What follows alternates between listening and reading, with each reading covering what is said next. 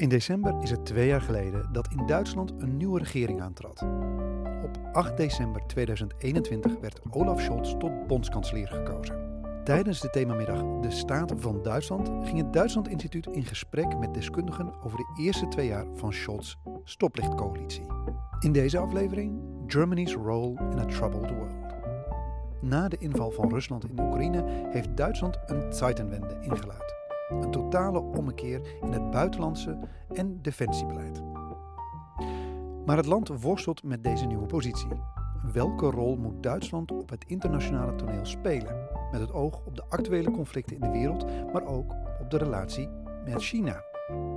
Hierover spreekt Maria Verburg met Ulrike Franke van het European Council on Foreign Relations. Welcome.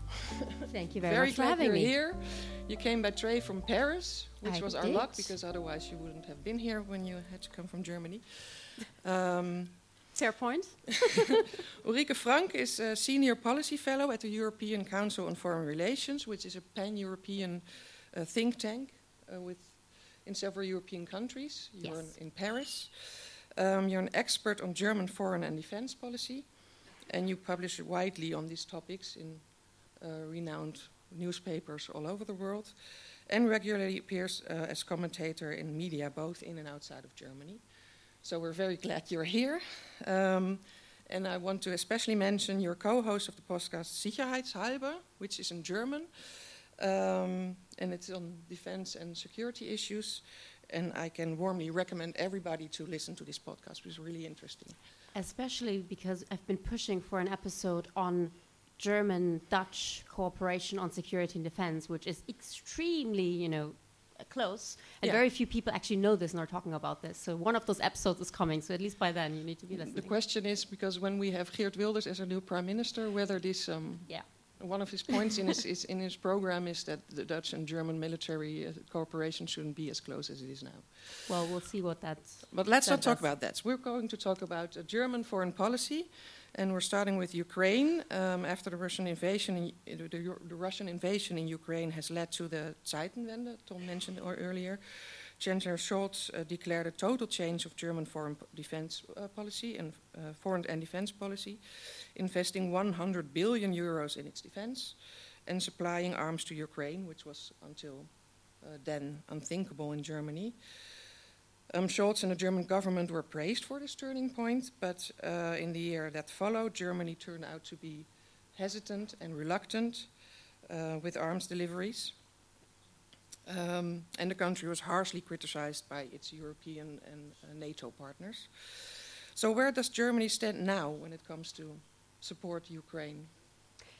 Right. So just one note on the Zeitenwende speech and the Zeitenwende in general. So you said um, that that you know he kind of led the Zeitenwende or, or in, introduced it or something like that. But what's important is when you listen to the speeches, he doesn't actually say you know we're going to do a Zeitenwende. He's basically saying we're experiencing one. So from the very beginning, it was way more passive, and it was a bit more about you know what is happening to us rather than what we are going to do.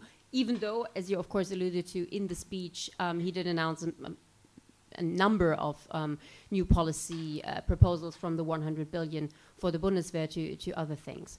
So where are we now in the support of Ukraine?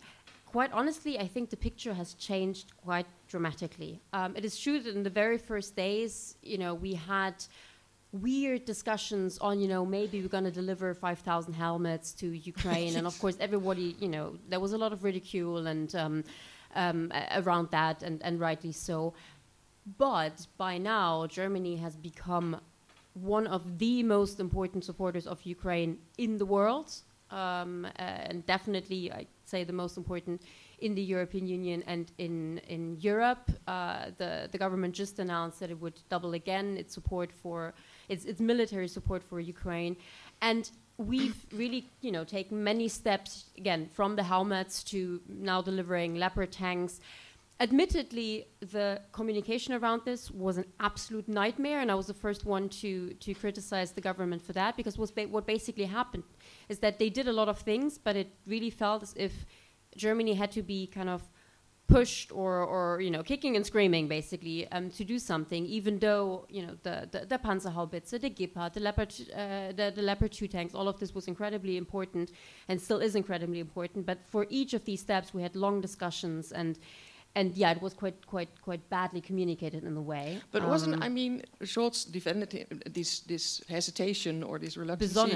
Um, yeah, yeah, but he said, well, we have to be able to defend ourselves, so we can't get yeah. everything from our own Bundes Bundeswehr to Germany, uh, to Ukraine. Um, and he had to take in consideration the public opinion in Germany, which was very uh, divided as well. So on the first part, yes, definitely. And quite honestly, the Bundeswehr has been underfunded for, well, decades. And this is something that we're realizing now. No news whatsoever to anyone who looked into this over the last few decades. But now the larger public, um, and to some extent the political realm, realizes this. On public opinion, I'm slightly skeptical because, you know, whenever you saw these, these public opinion polls, what basically happened is that, you know, big picture, largely speaking, the public opinion followed what the government did quite closely. So, you know, as long as the government was saying, ah, Leopard 2 deliveries, for example, that's one step too far, the, gov- the, the population was a bit like, nah, maybe not. So it was like, what, 40, 60. But the moment Scholz decided, no, actually, now we're going to do it, it switched and it was like 60, 40. I mean, I'm making up these numbers, but you, you get what I'm saying, like, roughly speaking. Um, okay. I'm talking too fast, sorry. um, no, we, we, we, we, we discuss in English because we decided upon that, but we can try to speak a little more slowly. Absolutely. So basically, I think the public opinion on Ukraine, it, it, it could and it can and it is being shaped by what the government is saying and how it is, you know, portraying certain things and how the world is changing. And so I don't think it's set in stone. And as I was saying, on the weapon deliveries in particular, the fact that you know on Monday we weren't delivering Leopard 2s, and so a majority, but not a huge one, but a majority was saying we probably shouldn't. And on Tuesday we decided to do so, and then again a small majority basically said it's a good idea. To me, that shows that with political guidance and with political explanation, the public opinion isn't kind of the main thing that, that would stand in any government's way if they wanted to do more. But, but there is a strong peace movement in Germany, much stronger than, than we have here in the Netherlands. Mm-hmm. And, and we saw that, in, of course, in the news, people going on the streets, into the streets, all these uh, letters uh, um, to newspapers letters. signed by a lot of well-known people against arms deliveries. I mean, that's, that's a feeling that's there. Definitely. And for me, in a way, this is the biggest Zeitenwende that is happening right now. Um, I so Germany really lived over the last 30 years in this I want to say illusion, but it kind of was a nice nice thinking that the world really had changed fundamentally. It's a kind of post 1989 idea that somehow history had ended. You know, the end of history as a concept was enthusiastically ad adopted in Germany, and that the world was becoming more peaceful, um, that ideological, geopolitical struggles were basically over, and that geopolitical power was less relevant and geopolitical competition, if still there, was being carried out through economic competition and trade and, and that kind of stuff. Yeah. And then if there were conflicts, they would be solved uh, through international law and international courts and things like that. And so the military and the whole, you know, kind of geopolitical power, hard power element of this felt like something from the past. It felt obsolete and it felt like something we just didn't need anymore. And in a way, we were more enlightened than that. And I'm really formulating it that way because I felt that there was a certain hubris in, in that um, too. And that is something that a lot of people internalized. I mean, I want to say, my generation maybe even more than the others because we really grew up in this world you know the last 30 years that's pretty much my lifetime. So so that's what millennials if you like grew grew up with. Um, but you know older generations also had enthusiastically adopted this. And, and this what this is basically the backdrop to to um, uh, you know the 24th of, of February and then the 27th of February. And since then a lot of people really had to rethink their beliefs and that is painful. And that is something that you know not everybody likes to do especially because honestly the, the the illusion was way nicer than the reality is now. And i'm not hiding this. I mean i would love to kind of um, go back to this to this illusion.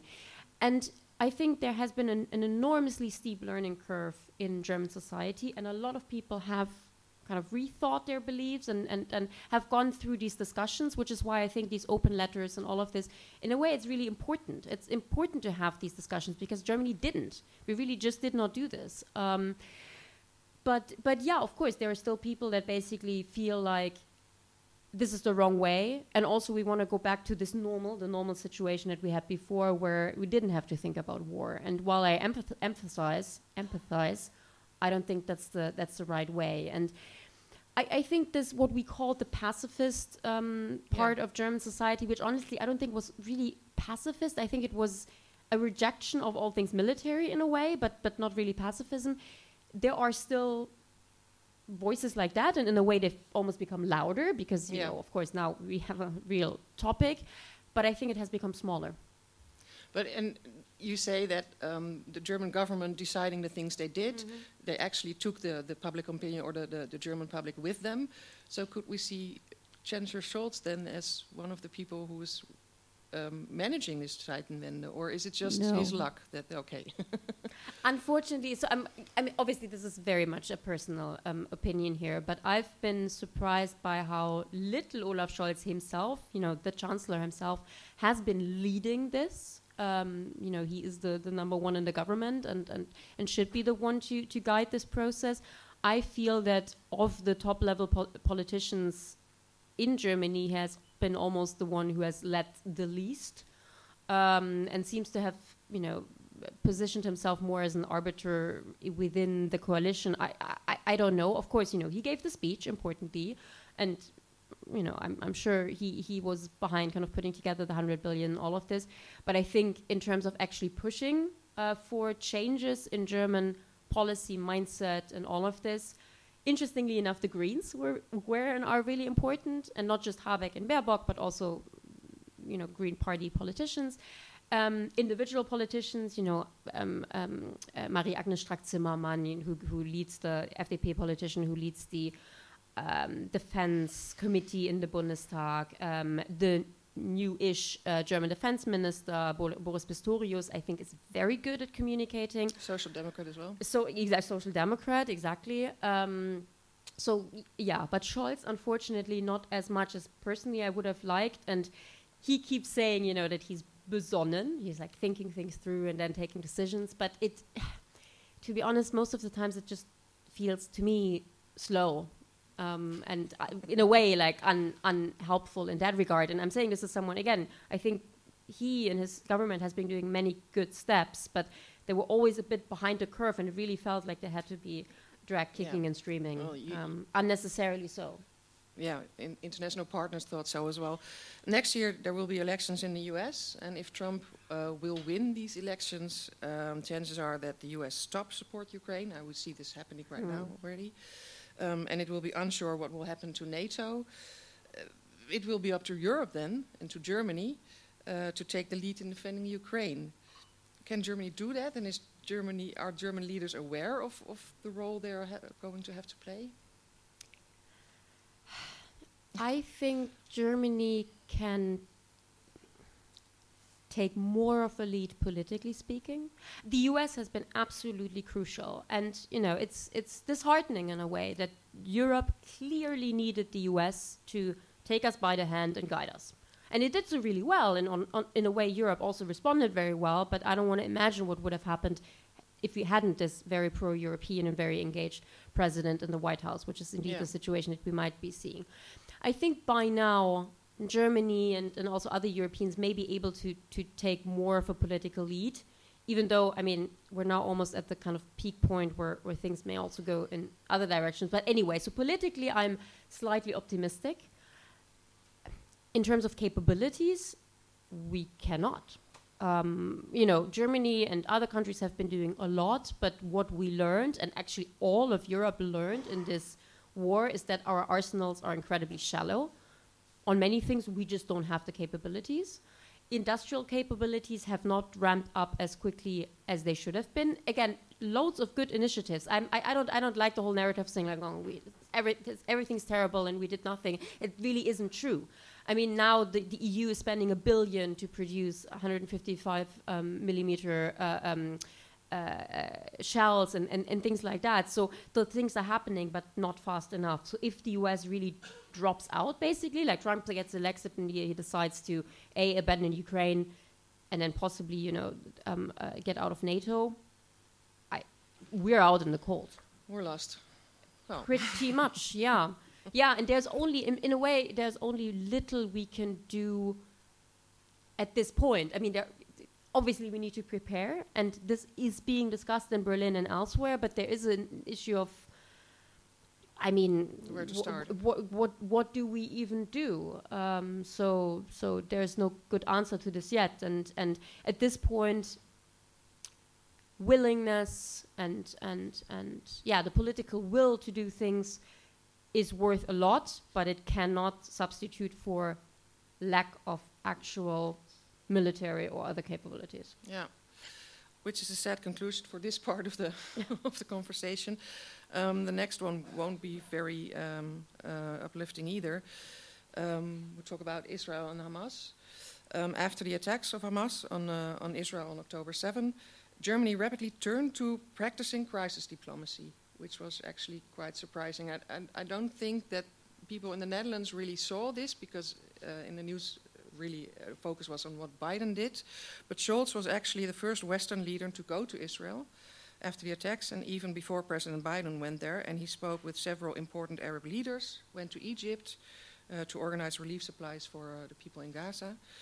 Uh, Minister of Foreign Affairs Annalena Baerbock went to, we, we oh, mm-hmm. we don't see her now, um, uh, went to the Middle East several times in the last few weeks.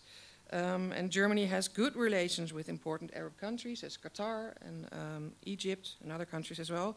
On the other hand, Ton mentioned it before, uh, Germany stands firmly on Israel's side, uh, stating that Germany has a special responsibility when it comes to securing the existence of Israel. Uh, how do you see Germany's role in this, this conflict or in this crisis? Mm. It's extremely difficult. I mean, as we all know, in this in this war and this conflict, there are no good solutions. And this is also the moment where I'm happy not to be a politician because there's nothing any politician can say which won't be um, criticized in, in, in, in, the harsher terms um, ever. And I have never experienced such a toxic, um, uh, toxic political debate uh, in in Germany as on this specific topic. Uh, I mean, we thought that the that the discussion around yeah Russia and Ukraine was was difficult and there were you know sites and as you say you know open letter here and open letter there and like very very um, aggressive in a way rhetoric nothing compared to, to, to Israel um, uh, and, and, and Gaza and, and Hamas in that conflict. Germany has a, a obviously a very difficult um, stance here. I am of the opinion that German politicians should be very careful in um, in in kind of position that well criticizing um, Israeli uh, uh, politics in in general. I think there are other others that are better placed. Um, and that may be considered as maybe unfair. Or other other countries. Other countries. Yeah. Sorry, yeah. Um, uh, but but but I think you know Germany does have a very special um, history, obviously, with regard to um, uh, to Jews and to Israel, and, and and as we always keep repeating, even though it really doesn't mean anything because no one has defined it.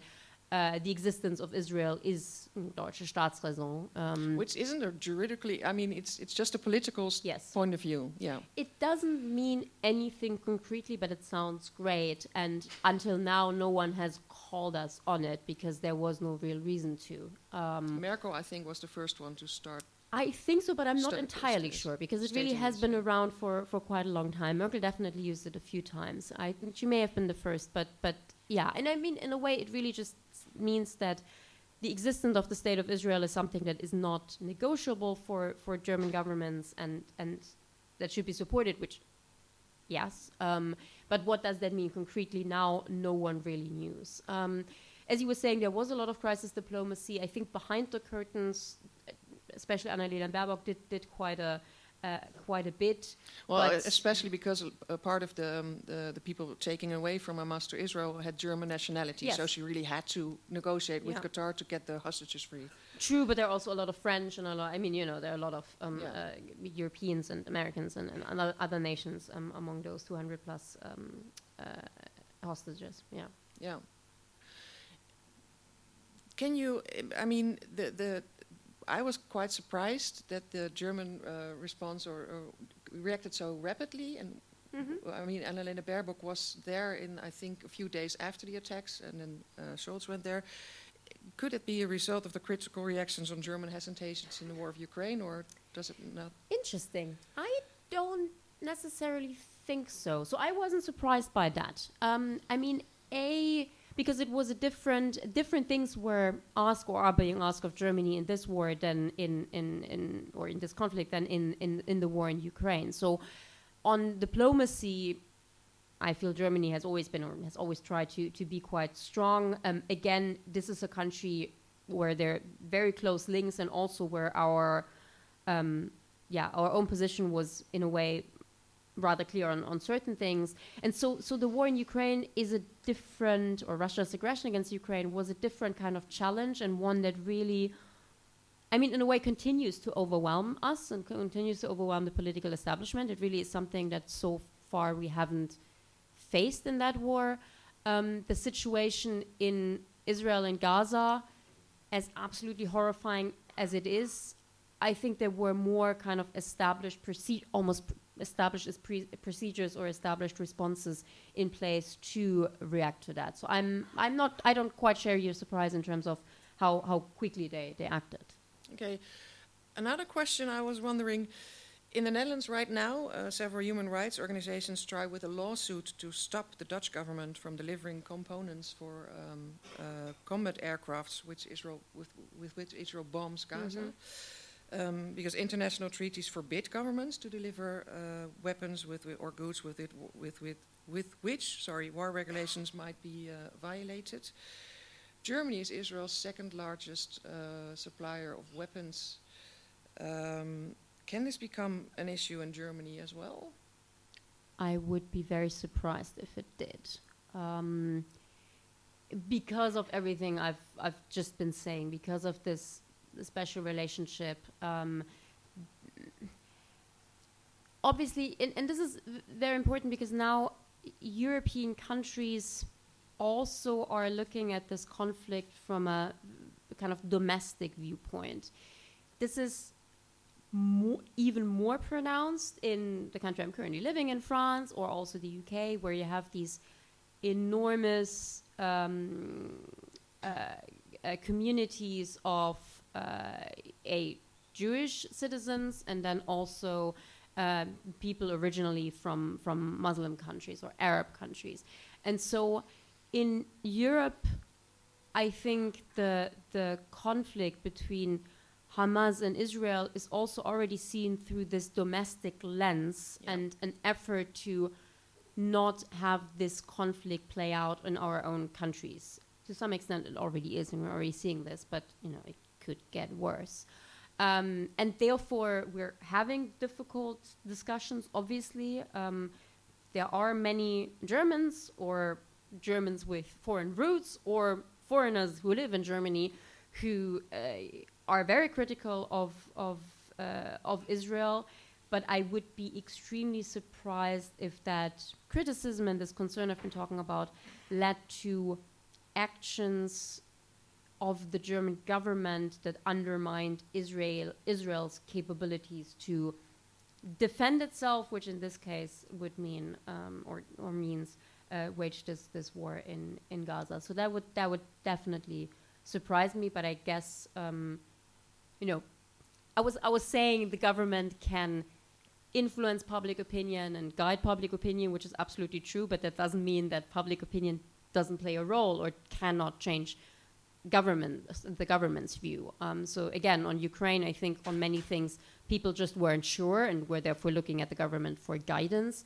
on this issue, it may well be the other way around, where the Yeah. where public, public opinion pushes um, the government. But again, on the specific question you asked, I'd be very surprised if it if it went that way. Yeah, well, we'll see how well this develops. Um, another topic I wanted to talk to you about is China. Uh. Ton mentioned it already as well. China is Germany's most important trading partner, especially in the car industry. Um, and good relations with China are also necessary to combat climate change. But China is also seen as a systeemrivaal, a systeemrivaal uh, in German, so system, systemic uh, rival with different ideas uh, about the international political and e- economic order. And China is becoming more and more uh, repressive at home. And this German government made and still makes a strong point of being more Yeah. serious about defending human rights. Um, another point is that Europe and Germany want to become less dependent on China when it comes, for example, to key technologies. How does Scholz's government deal with these issues, and, and what can they do? I think we, and this is really kind of Germany, um, um, not just this government, we're still searching for the answer when it comes to the relationship with China, and this is very much true also for other other European nations. Um, there is a massively increased realization that China may become a problem, to put it kind of very, very blunt, bluntly um, and very broadly. Uh, it is it is interesting to read, say, the national security strategy, um, the new China strategy, the coalition treaty, all of this um, in Germany on on China, because it it you, you can really feel that there's a realization that that things may have to change, um, and there's a realization that that yeah, as you were saying, China is becoming not just more repressive at home, but also becoming a geopolitical actor which is acting in ways in which is maybe creating a kind of um, starting to create a world order that is not good for us and that is against our interests. Um, that, that that wakening up has definitely happened, and I think the But the re- war in relatively Ukraine shortly, because uh, Exactly. So I think there were there were a few kind of moments. So it definitely. So there was the, was the Huawei discussion, having having Huawei in the five G networks um, a few years back.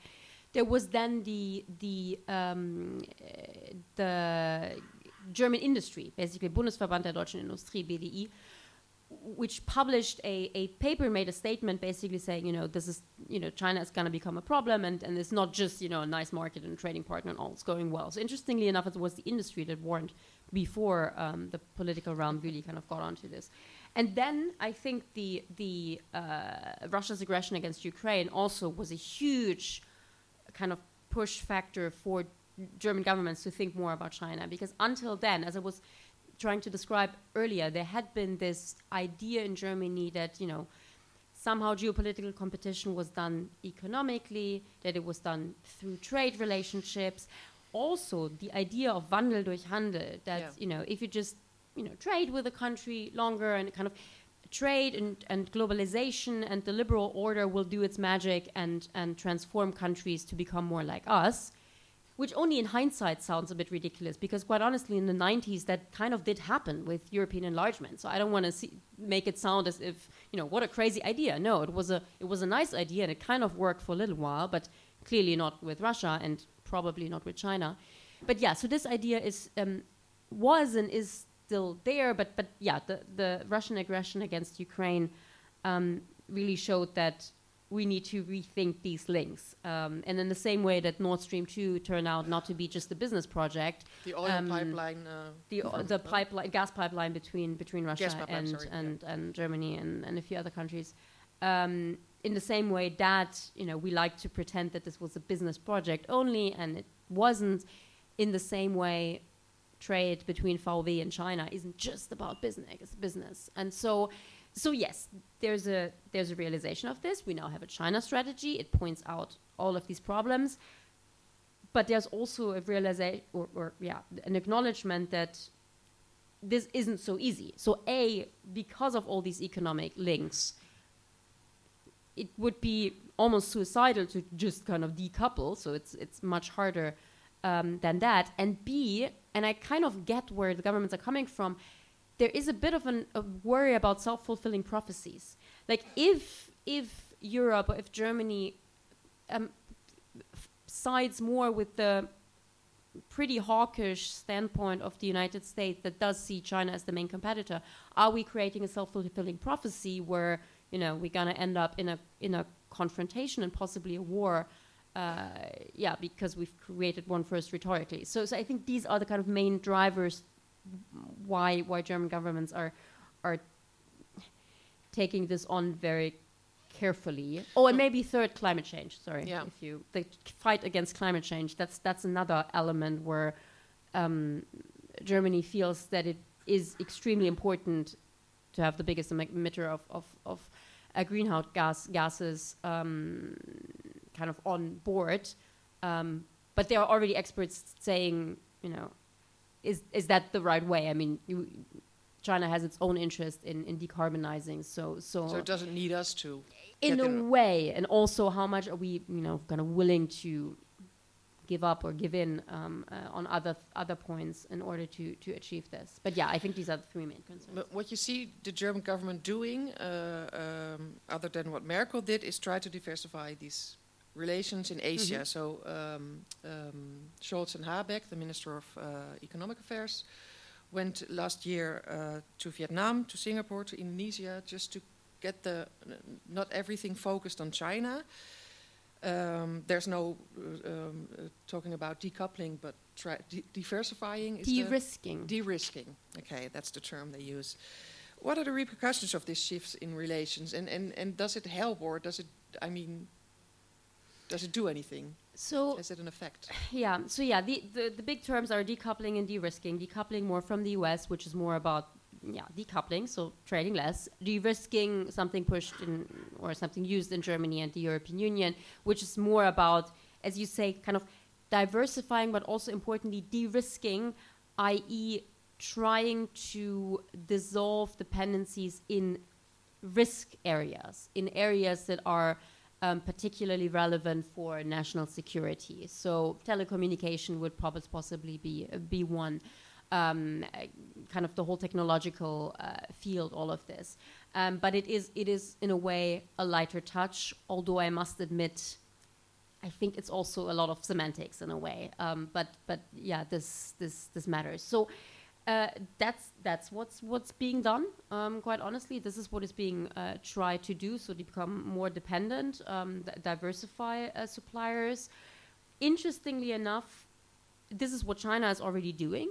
So we in, in the West we kind of talk about it and do it to some extent, but but China of course also realizes that this dependence in many areas goes both ways, um, or their dependencies in, in other areas, and so it is also trying to de-risk on its own side in a way and do do, do more things on it by itself. Um, chip production being the uh, so semiconductor um, production being the most important one. Um, I don't think right now that this is really having a big impact on the relationship as such. I think, I mean, the relationship between Germany and China and between Europe and China. Obviously, it's it's going less well than a few years ago, but but that's true for kind of all European and all Western uh, China relationships. Uh, yeah, but this is really this is the big um, the big topic, the big the big political. Um, direction change that that is currently being debated in Germany, and I don't think anyone has kind of great answers, especially if you want to balance out many things. As you as I was saying, is you, if you want to balance out the geopolitical security consideration, business economic situation uh, uh, um, considerations, climate change, another one, relationship with partners, because by the way, China is also the biggest topic of discussion, I'd say, between the U.S. and and European countries. Um, so, so yeah, everyone is trying a balancing act. Another Zeitenwende in slow motion, if you. I mean, there are a lot of parallels and parallels drawn, and you know, there are already people saying basically, you know, if in a few years China attacks Taiwan, we're gonna say, oh, no one could have known, um, like in the same way that some people said this about about Russia attacking Ukraine, but but still, um, uh, that doesn't make it easier. Uh, No. Yeah. One last question for me before we go to the audience. Um, before Russia, you, you mentioned it already uh, in this uh, conversation. Before Russia invaded Ukraine, you have written an article about German millennials now coming into power, which was in 2021, if I Mhm. remember correctly. And you wrote, and you said already, they grew up in times when uh, Germany wasn't an important player in international politics, and they struggled with the concept of geopolitical power, and even more so with the idea of military power being a part of that. Um, do you think this has changed since Mm. the war in Ukraine, or should we worry about German politics in the near future when the millennials come into power?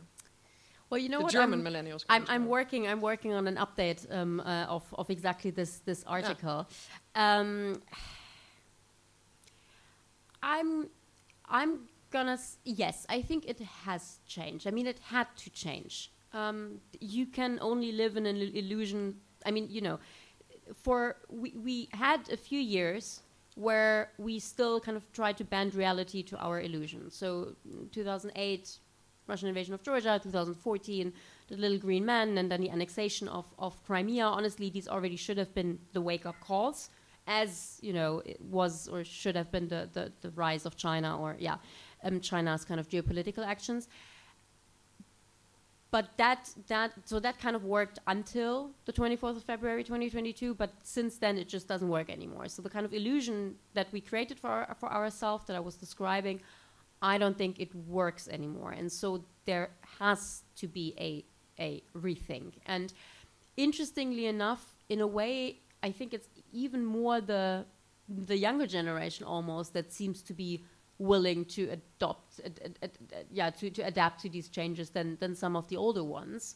Um, maybe, be, yeah, I don't, I don't, I don't quite want to speculate, but um, nevertheless, I, I think Boris Pistorius said something um, uh, really good. German Yeah, Minister of Defense. Exactly, yes, so the new-ish German military, uh, Minister of Defense. Um, he said, you know, a lot of people, or some people, are hoping for or thinking that once this war is over, i.e., the war between Russia and, uh, you know, between Russia and U- Ukraine, we can go back to normal.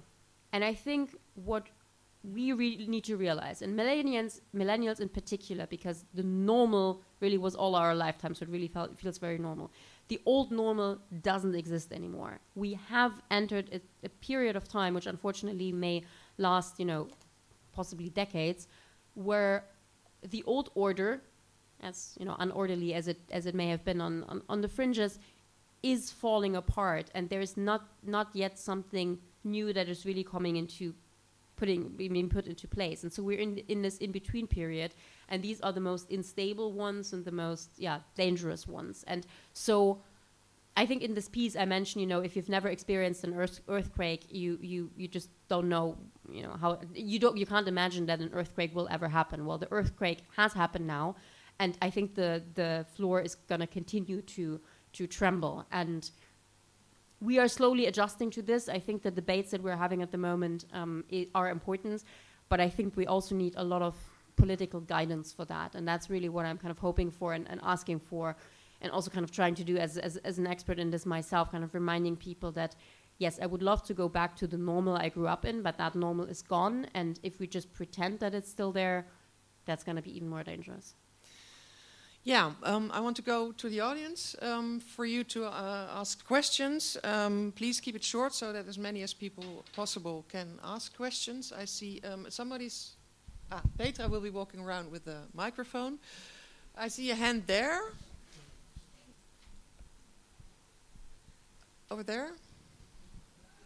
Oh, you can, and, and if you want to ask the question in German or Dutch, it's just possible as well. If it's in Dutch, I will translate. Only unfortunately, so I, I Oh. even grew up in Aachen, and I really could see the Netherlands from my bedroom window, and yet I never learned Dutch. So I'm very sorry; it would have to be translated. Uh, this week I read in Foreign Affairs that a real game changer would be the delivery of the Taurus rockets to Ukraine. Uh, When, when does that, that Viking uh, do that? Um, yeah, so on on Taurus, Taurus is okay. So put this to put this bluntly, I think Taurus is the latest in a series of at least two or three weapon systems that we're discussing in Germany, and we keep having these debates where we say this is a step too far. You know, heavy weapons, tanks, Taurus missiles, whatever. Keep having this discussion saying it's a step too far we cannot, we should not, and then we do it, more or less. I'm I can't tell you whether it's going to be the same with with Taurus. The only thing I'm kind of cautioning against is that because we're having these discussions about very specific weapon systems, in the public mind they they they they, they start they start um, uh, sounding like like wonder weapons. Like the other day, I really heard like you know what's keeping Ukraine from winning is Taurus, and I, I mean I think I've pretty much heard the same thing about about um, the the Leopard two tanks. I've heard the same about aircraft. All of this, it's not there. There are no wonder weapons. So, if Germany decides to deliver Taurus, and given the track record, I would lean to saying it probably might will happen, but I can't tell you. I mean, I'm not privy to these debates. But if this happens, that's not going to turn the, the war around in the same way that the Leopard 2 tanks didn't didn't turn a, turn the war around. So I think we kind of but because not, it is but something not specific, delivering it will, will turn the war around in the in the other way, in the wrong way. I, yeah, Or although not. again, uh, also here you wouldn't have the kind of this the, the, the specific moment, but um, but yeah. So yeah, to answer your question, obviously I, I don't know. I would ex- I have I have been expecting um, the government to make this decision um, uh, already the past. So I'm a I'm a bit surprised. Maybe they are holding out on that one. But if they are delivering, I think we should not expect wonders from it. But it is again one in a kind of series of of these discussions focused on specific weapon systems that have been rather unhelpful. Um, but yeah, that's again pretty much the government's fault, I'd say. Yeah. Other people having questions? I'm quite surprised. Ah, in the back. okay, you please wait a second until the microphone. Yeah, Thank you. thank you. Uh, the European project has been driven by the uh, cooperation between Germany and France for, for many, many years. And now uh, there seems to be a growing uh, division between Mhm. France and Germany. Uh, do you see a way uh, to, to bring these countries uh, back together again? Because, in, in my view, they are vital to, uh, to Europe, their cooperation. Thank you. Yeah, absolutely, and it is quite disheartening. So um, I've always I studied in France, and I've always been uh, following the, the Franco-German um, relationship. But I but I moved to to France um, six months ago or so, and since then have really been trying to kind of find out what's what's going on. And it is quite disheartening talking about Franco-German corporations both in Paris and in Berlin, especially the kind of we have we have a few very very very big um, military industrial projects. So FCAS, the common the, the fighter jet plus, and MGCS, the the tank plus, and the Eurodrone, and a few others. But these are the big ones. And you know, you go to Paris, you go to Berlin, and, and people just complain about it enormously, and it really is not is not people going well. working with these systems, yeah, or, or well, yeah. they're, don't exist yet. They're being No, but people who people working develop on these yeah. topics. Yeah, and on both sides, like there there are huge problems, and I don't want to go kind of into um, But in, in working together and trusting each other, or about in, in everything in a way. Yeah, yeah. And so I so on these specific topics, just kind of you know, my working hypothesis on this at the moment is that this has to do with with Germany's Zeitenwende, that this is going so badly, because these were projects that have been devised a few years ago, when Germany still did not care that much about anything military, because again, we don't really need it. It's you know not something we particularly care about, and therefore, military cooperating cooperation projects, be it with France or in Europe, were seen more as important political symbols and were therefore driven by the political will to do something together rather than by military or military industrial you know necessities and needs. And then the Zeitenwende and the, the, the war happened. And now I think we're looking we as Germans are looking at these projects with a different eye as in do we need them militarily? Or do they make sense in the way that they're, they're being um, uh, uh, designed for us militarily? And we realize that we have been thinking about this mainly from a from, from a political um, a point of view so but your question was was larger and, and on the franco-german relationship in general. So the one i'm i'm pessimistic insofar as i don't think that germany will get another or yeah will get a, a french president who is so pro-European and pro-German, if you like, as Emmanuel Macron is, as difficult as he may be in, in, in certain um, areas. Uh, so I don't think that his successor is going to be that, and it could be a really bad successor from a German point of view as as well. Um, but even if it's you know someone from the middle party, whoever that may be, um, uh, that's probably unlikely. So that's that's definitely very concerning. Um, what also makes me pessimistic is on the German side.